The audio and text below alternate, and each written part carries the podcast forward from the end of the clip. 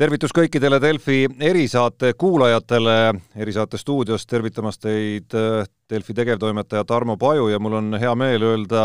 tervitused äh, ülikoolilinna Tartusse, kus äh, on meil liinil vaimse tervise koolitaja, Tartu Ülikooli psühholoogia magistrant Pärtel Poopuu, tervitus! tere, tere! põhjus, miks täna rääkida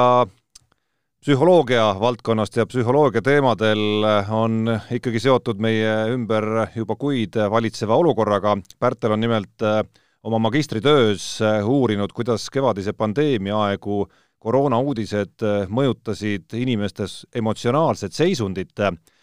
kui nüüd faktitäpne olla, siis uudistest tingitud negatiivsete emotsioonide regulatsioon, ümberhindamise strateegiate efektiivsus koroonaviiruse kontekstis, kõlab selle pealkiri, aga üritame täna natukene lihtsamate sõnadega kindlasti äh, tänases saates rääkida. ma küsin alustuseks natukene üldisemalt. Äh, äh, saan aru, et psühholoogidel on tegelikult ja vaimse tervise uurijatel on tegelikult käed-jalad tööd täis nii Eestis kui maailmas, et et selgeks teha, mis on toimunud inimkonnaga selle viimase ümmarguselt üheksa või, või kümne kuu jooksul ja noh, põhimõtteliselt see töö vist ei lõpe ära ka siis, kui ükskord see pandeemia läbi saab, et et, et tohutu uurimisvaldkond on teil ees. jah äh,, seda kindlasti, et, et see noh, see uuring, mis mina siis, äh, minu magistritöö nii-öelda, mida väljendab, et et äh, see oli nagu võib-olla ajendik sellele ka teistele tulevastele uuringutele, mis äh, suuremad ja üle nagu eestilised psühholoogia uuringud hetkel on et see oli üks esimesi nendest. kas, äh, kui te pilguga vaatate ka maailma laiali, siis, äh, siis äh, kas on see pilt selline, et aina rohkem selle kohta on nii-öelda töid tekkimas ja, ja, ja, ja hinnanguid ja arusaamu psühholoogide seas ikkagi, ikkagi ilmunud, et, et, et mi, mis, on mingi ühine nimetaja nendel, et, et, et mida see inimestega teinud on, nii meil kui maailmas, see kriis? Ehm, noh, kui me räägime niimoodi Eestit üldiselt, siis äh, nagu, nagu selle äh, kevadel viidud uuringu raames, millest minu magistritöö moodustab ainult ühe osa, aga mida me siis äh, Ander Uusbergiga, Helen Uusbergiga ja minu kaastunegi Kris-Marii Paltseriga läbi viisime, et selle põhjal näiteks sai seda öelda, et et niisugune screenimise mis on mõeldud depressiooni, ärevuse nagu nii-öelda noh, screen imiseks ehk siis vaatamaks, kas, kui palju seda nagu potentsiaalselt võib esineda äh, ärevuse ja depressiooniga seonduvaid probleeme. et see oli äh, kevadel oli siis äh, sealt üle äralõikepunkti kakskümmend protsenti inimesi ehk siis mis võiks viidata, et neil võib olla kas depressiooni või ärevusega probleeme, aga siis sellele järgneval suvel ehk siis noh, praegusel suvel oli, oli see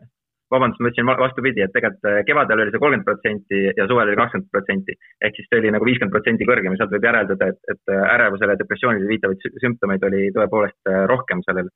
kevadise esimese laine ajal näiteks. ja ka üldiselt tegelikult on noh, meedia kontekstis on just tehtud uuringuid tegelikult,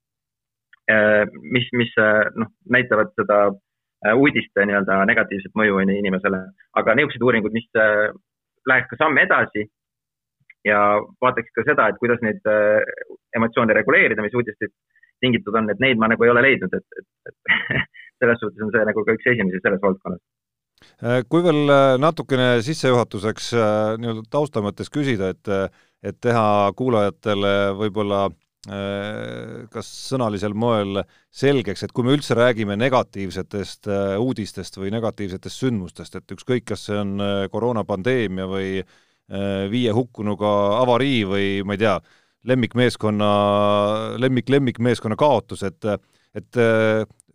psühholoogia vaatepunktist, et äh, mis, mis on, mis on need reaktsioonid, mille tek-, mille, mille val-, mis va-, mis vallanduvad meil negatiivsete sündmuste või uudiste peale? millised need reaktsioonid on, et mis need emotsioonid on siis? just, et mis meie peas juhtuma hakkab? Noh, kui me loeme siis, äh, siis äh, noh, ma, ma saaks rääkida pigem enda magistritöö tulemuste põhjal jällegi, et mis seal välja tuli, ma arvan. et, äh, et nende, nende andmete põhjal, mis on aga muidugi üldistatavad, on ju, ka nagu teistele valdkondadele, siis tal, et, et, et, et seal näiteks hirm suurenes, viha ja vastikus suurenesid ja vähenesid siis niisugune kergenduse tunne ja nagu rahulolu tunne. Ehk siis ei mõjutanud mitte ainult, mitte ei kasvanud ainult negatiivsed emotsioonid, vaid ka vähenesid positiivsed emotsioonid. aga nagu siit on oluline mainida seda, et, et no, üldiselt selles minu magistritöö andmetes tuli see välja, et, et tegelikult need nii-öelda positiivsed emotsioonid olid ikkagi, inimesed raporteerisid ikkagi rohkem positiivseid emotsioone, kuigi nagu need negatiivsed emotsioonid tõepoolest tõusid ja, ja positiivsed langesid, siis üldiselt oli nagu negat-, positiivseid emotsioone rohkem raporteeritud nii-öelda. Kuidas te ise võtaksite oma uuringu nagu põhilised järeldused kokku, et kas, kas mingeid üllatusi ka oli, et ma usun, et eeldused ju tegelikult eh, selgelt olid need, et, et inimesed on saanud mõjutada noh, sisuliselt meie eluaja ühest suuremast kriisist, kui mitte suurimast? jah, äh, esimeseks äh, niisuguseks üllatuseks oli see, et, et noh, kui, kui me küsisime inimeste emotsionaalse seisundi kohta, et, et siis et konkreetselt see ärevuse nii-öelda emotsioon ei suurenenud, mida tegelikult on leidnud maailmas teised uuringud on leidnud, mis, mis koroona meedia mõju nagu uurivad, et ärevus on suurenenud, on ju. ja sellele viitas ka tegelikult see, et, et, et rohkem nii-öelda neid, see screen imise instrument, millele ma varem viitasin, on ju, et rohkem potentsiaalselt võis esineda inimestel ärevushäireid näiteks. Aga, aga mida me leidsime, et, et hirm oli suurenenud, noh, neid uudistele, vastusena uudiste lugemisele ja siis noh, üks tõlgendus sellele on justkui see, et inimesed tundsid äh, nagu niisugust äh, otsest hirmu, et, et, et, et see viirus võib neid nakatada ja see nende organismile halvasti mõjuda. ja teine niisugune äh, üllatav tulemus oli see, et, et mida rohkem inimesed lugesid äh, äh negatiivseid uudiseid ühel päeval, äh, seda vähem nad tundsid järgmine päev positiivseid emotsioone Äh, et noh, negatiivsete emotsioonide hulka see ei mõjutanud, aga lihtsalt see, et, et positiivsed, inimesed tundsid ennast äh, noh, rohkem äh, halvasti, sest ei tundnud ennast nii rõõmsana järgmine päev. et raske on nagu, raskem oli elust rõõmu tunda ja märgata mm. nagu häid asju meie ümber, häid asju meid enda, meis endas? jah. kuidas, kuidas kuidas see nii-öelda seletus sealjuures võiks, võiks toimuda, et, et miks just niipidi see töötab? mm.? vot see on hea küsimus. Et äh, noh, ma arvan, et siin ongi see erinevus, mida, mida raske on tihti inimestel võib-olla teha, on, et, et, et me võime, äh, et need on nagu kaks eri dimensiooni, kui palju me negatiivseid emotsioone tunneme ja kui palju me positiivseid emotsioone tunneme. ja et me võime samal ajal tunda ka nii positiivseid kui ka negatiivseid emotsioone, et äh, neid niimoodi, nendesse eraldi suhtuda, ma arvan, et, et see on, see on ka üks õppetund võib-olla sellest uuringust. Et, et, et väärtustada mõlemaid, nii, nii positiivseid kui negatiivseid emotsioone ja hoolitseda, et, et siis negatiivsed oleks vähem ja positiivsed oleks rohkem äh,. selles samas äh, töös ja, ja, ja üheks meie vestluse ajendiks olnud ka värskest Maalehe artiklist ja intervjuust äh, tulid välja ka need erinevad äh, nii-öelda mehhanismid siis või, või strateegiad, kuidas inimene saab nende negatiivsete Äh, reaktsioonidega siis äh, toime tulla ja, ja üks, mis siis äh, teie sõnade järgi kõige paremini justkui toimu-, toimis siis ühesõnaga, on siis mm -hmm. emotsiooni ümberhindamine. Seletage natukene, kuidas, kuidas, kuidas see käib? jah, et, et noh, me võrdlesime nagu siis erinevaid ümberhindamise strateegiaid siin uuringus on ju, et, et äh, neli strateegiat oli kokku, kaks olid siis olukorra ümberhindamised äh, ja kaks olid siis äh, emotsiooni ümberhindamised. Et äh, näiteks uurime seda, et, et, et kas niisugune üldine olukorra ümberhindamine, näiteks seda, et äkki on selles uudises, mida inimene loeb, midagi kasulikku. et kas selline noh,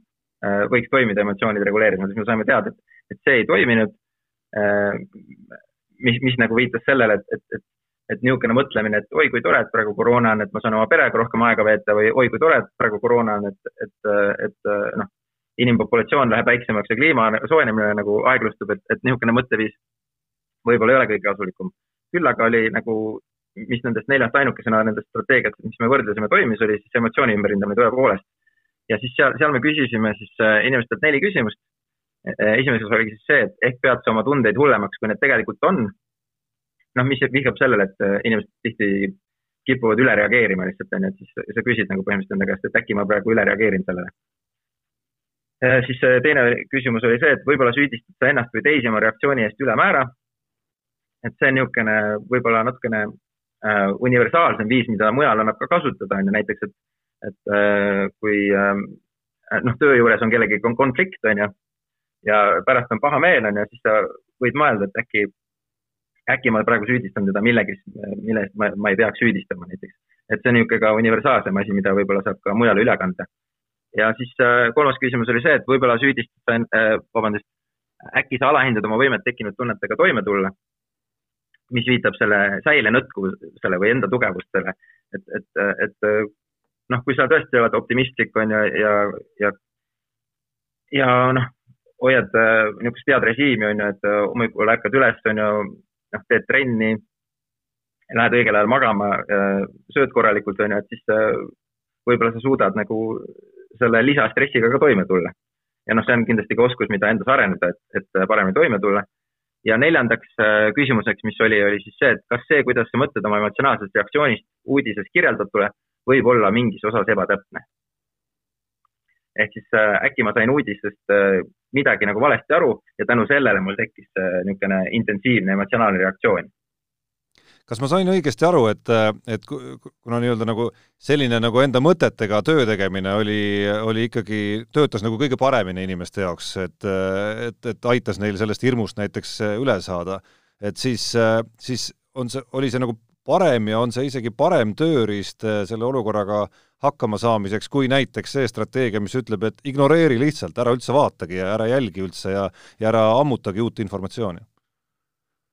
mm.? See oli ka seal no, nii-öelda strateegiat sellega, et, et, et tegelikult emotsiooniga tegelemine, et, et me võrdlesime ka olu, olu, nagu olukorraga tegelemise strateegiat, aga nagu just, et see, et, et äkki ma pean seda emotsiooni praegu, mis minus on tekkinud, liiga hulluks või ma alahindan, et seda võimet emotsiooniga toimetulemisel, et rõhu, rõhumine selle emotsiooniga toimetulekule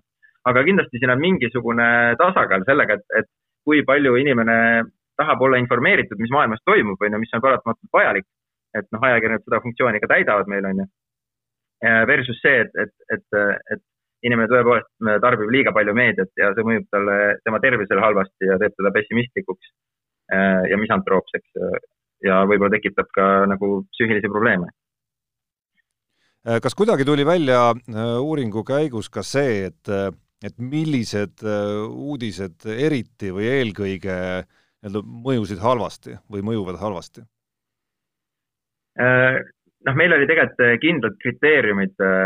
mis, mis me sinna valisime, sinna uuringusse, et, et noh, sõnade maht mingi kakssada kuni nelisada on ju, siis meil oli see, et, et oleks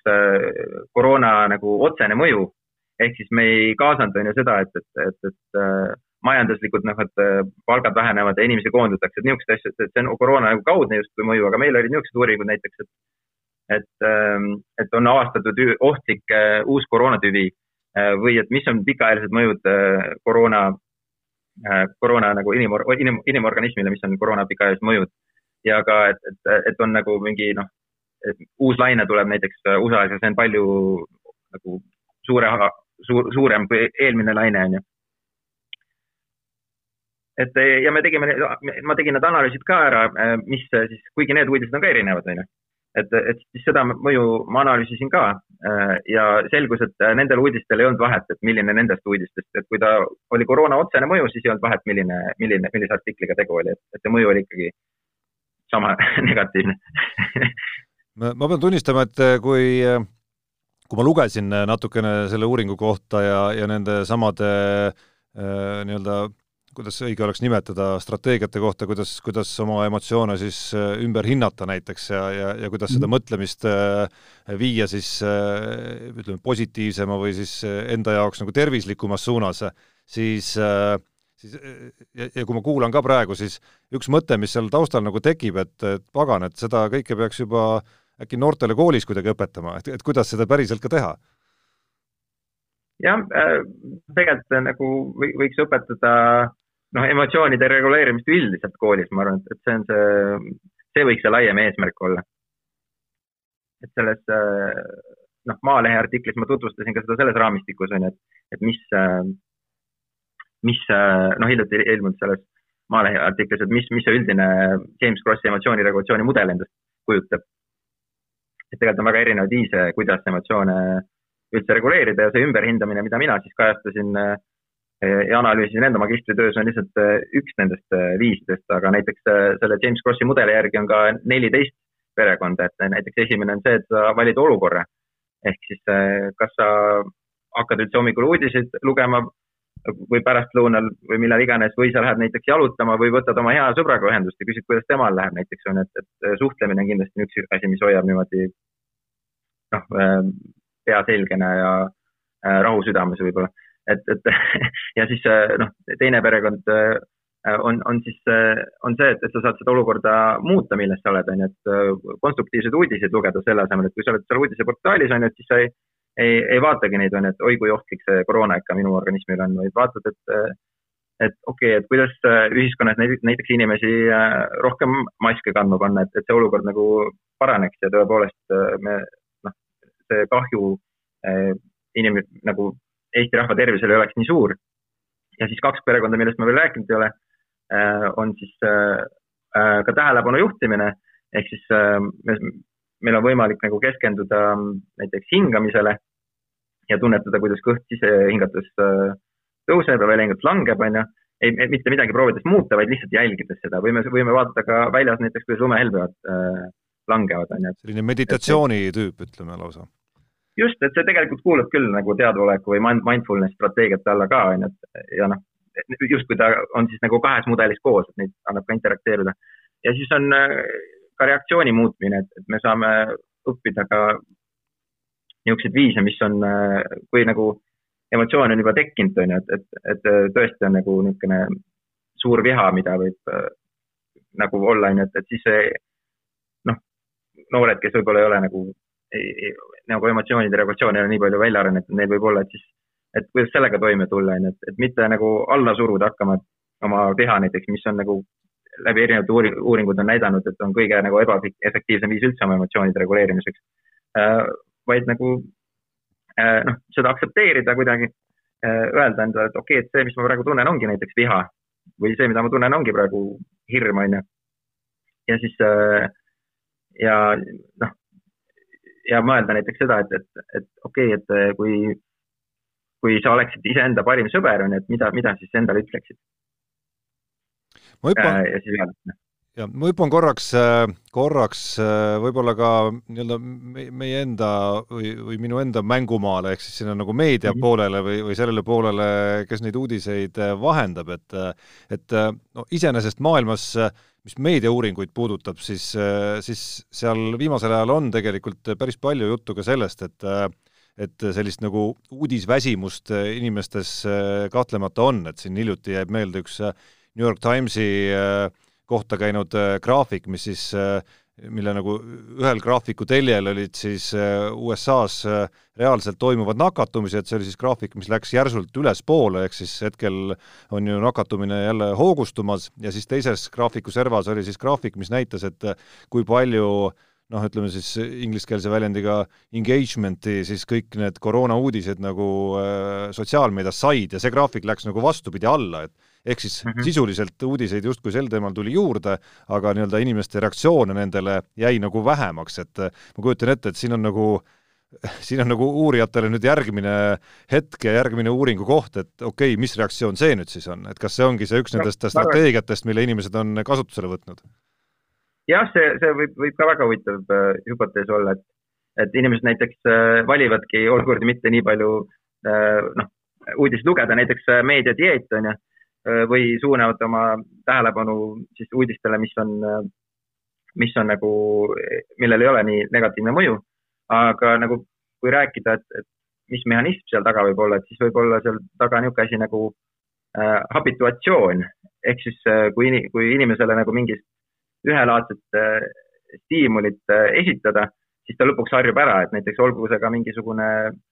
noh, näiteks kui inimene läheb uude kontorisse, on ju, et siis al alguses on seal ventilatsioon, mis hästi kõvasti mõirgab, on ju. et kui ta seal juba töötab paar nädalat, siis ta ei panegi tähele, et seal see ventilatsioon on. et, et samamoodi võib juhtuda ka tegelikult nende negatiivsete uudistega äh,. mingil määral, aga noh, kindlasti ka see negatiivsuse kalle, mis eksisteerib ehk siis, et me negatiivsele innovatsioonile pöörame rohkem tähelepanu kui positiivsele, et ma arvan, et see mingil määral ikkagi jääb alles. üks, üks üks väike algatus, mille me ise Delfis justkui nagu mõeldes natukene nendele nendele arengutele siin detsembri alguses, sellel nädalal oleme oleme algatanud, on Jagame head rubriik, kus siis nagu eesmärk on otsida ja, ja rõhutada ja tõsta esile just nimelt neid positiivseid ja ja, ja inspireerivaid ja justkui nagu paremat tuju tekitavaid, tekitavaid uudiseid ja, ja üleüldse sisu, aga aga mm, kus ma, kus ma selle jutuga rihin, et, et, et kas siin kogu selles olukorras ja nii pikalt kestvas kriisis ja just nagu negatiivses, negatiivses infovoos on ka meedia ja ajakirjanduse jaoks ikkagi mingid väga selged õppetunnid? Noh, ma võin hea näite tuua nagu enda ülikooli teatrisõbrast, kes on Postimehes ajakirjanik Henri Laur Allikust, kes tegi ka hiljuti väga hea loo nagu, mis oli ka nagu konstruktiivne, mis küsis, noh, mis rääkis sellest, et et miks siis inimesed nagu maske ei kanna ja, ja miks, miks inimesed vandenõuteooriatesse usuvad, on ju, et ja seal lõpuks oli ka nagu noh, niisugused küsimused, et, et, et mida, mida ka ühiskond saaks teha, et, et, et, et mitte niisugust polaarsust tekitada, kus, kus inimese identiteet on ka seotud rohkem kas maski kandmisega või mittekandmisega. Äh, ja et, et, et mida meedia saaks teha, on ju, ja mida riiklikult saaks teha ka, et, et, et ei tekiks niisugust äh, polaarsust rohkem. et noh, see on, see on ka selline, et, et, et niisugune tulevikku vaatav, et noh, see üks küsimus ongi, et mida, mida siis saab teha, et sellest olukorrast äh, paremini välja tulla. et see on niisugune üks põhiküsimus võib-olla, mida ajakirjanikud võiksid küsida kas äh, te olete ise kirjutanud äh, koos kolleegidega konstruktiivsest ajakirjandusest, et äh, et ma usun, et ka kuulajatel oleks huvitav natukene mõista, mida, mida see, mida see täpsemalt tähendab? jah, et me Ander Uusbergiga tõepoolest kirjutasime sellise artikli, mis käsitles siis seda, et mida konstruktiivne ajakirjandus endast kujutab ja, ja kas see kuidagi aitaks mm, leevendada siis äh, seda nii-öelda uudiste negatiivset mõju. Äh, konstruktiivne ajakirjandus on siis äh, niisugune noh, uus ajakirjanduslik vorm, mis on tekkimas kahe põhilise teise ajakirjanduse vormi kõrvale, mis on, milleks on siis nagu välkuudised, on ju. et noh, kui midagi, midagi juhtub maailmas, on ju, et, et mingi katastroof juhtub näiteks, on ju, et siis kohe on suur uudis, on ju ja uuriv ajakirjandus, mille, mis, mis siis äh, kajastab nii-öelda noh, kelme ja ohvreid ja niisuguseid äh, juhtumeid, mida nagu pealtnägija tihtipeale teeb. et siis konstruktiivse ajakirjanduse eesmärgiks on siis noh, kajastada nagu maailma mm, nagu objektiivselt ja tõetruult, aga nagu kasutades sellest ka siis positiivse psühholoogia meetodeid et, et äh, leevendada nagu äh, meedia negatiivset mõju ja ajendada inimesi siis äh, ka positiivselt uudistega interakteeruma ja ka, et nad saaksid noh, uudisest midagi kasu ja nagu saaksid võib-olla ka positiivselt käituda vastavalt sellele, mis see uudis endas kajastas. noh, samas see ei tähenda ju seda, et negatiivsetest asjadest ei kirjutaks üldse mm. -hmm. minu üks, üks näide, mis ma olen viimasel ajal mis ilmus enne, kui see konstruktiivse ajakirjanduse artikkel ilmus, näide oli sellest, kui äh, see Beiruti plahvatus oli. ammooniumnitraati vist seal hoiustati. Äh, ja, ja siis noh, seda kajastati väga vähe isegi, et, et, et oi, et nüüd on suur plahvatus, muidugi esimene oli see välkuudis, aga siis, siis sinna kõrvale tekkis ka niisuguseid uudiseid, paar tükki, et, et, et kuidas me saame Eestis ära hoida, et sellist plahvatust ei tekiks et selgus, et ka meil on mingisugused laod kuskil on ju Harjumaal.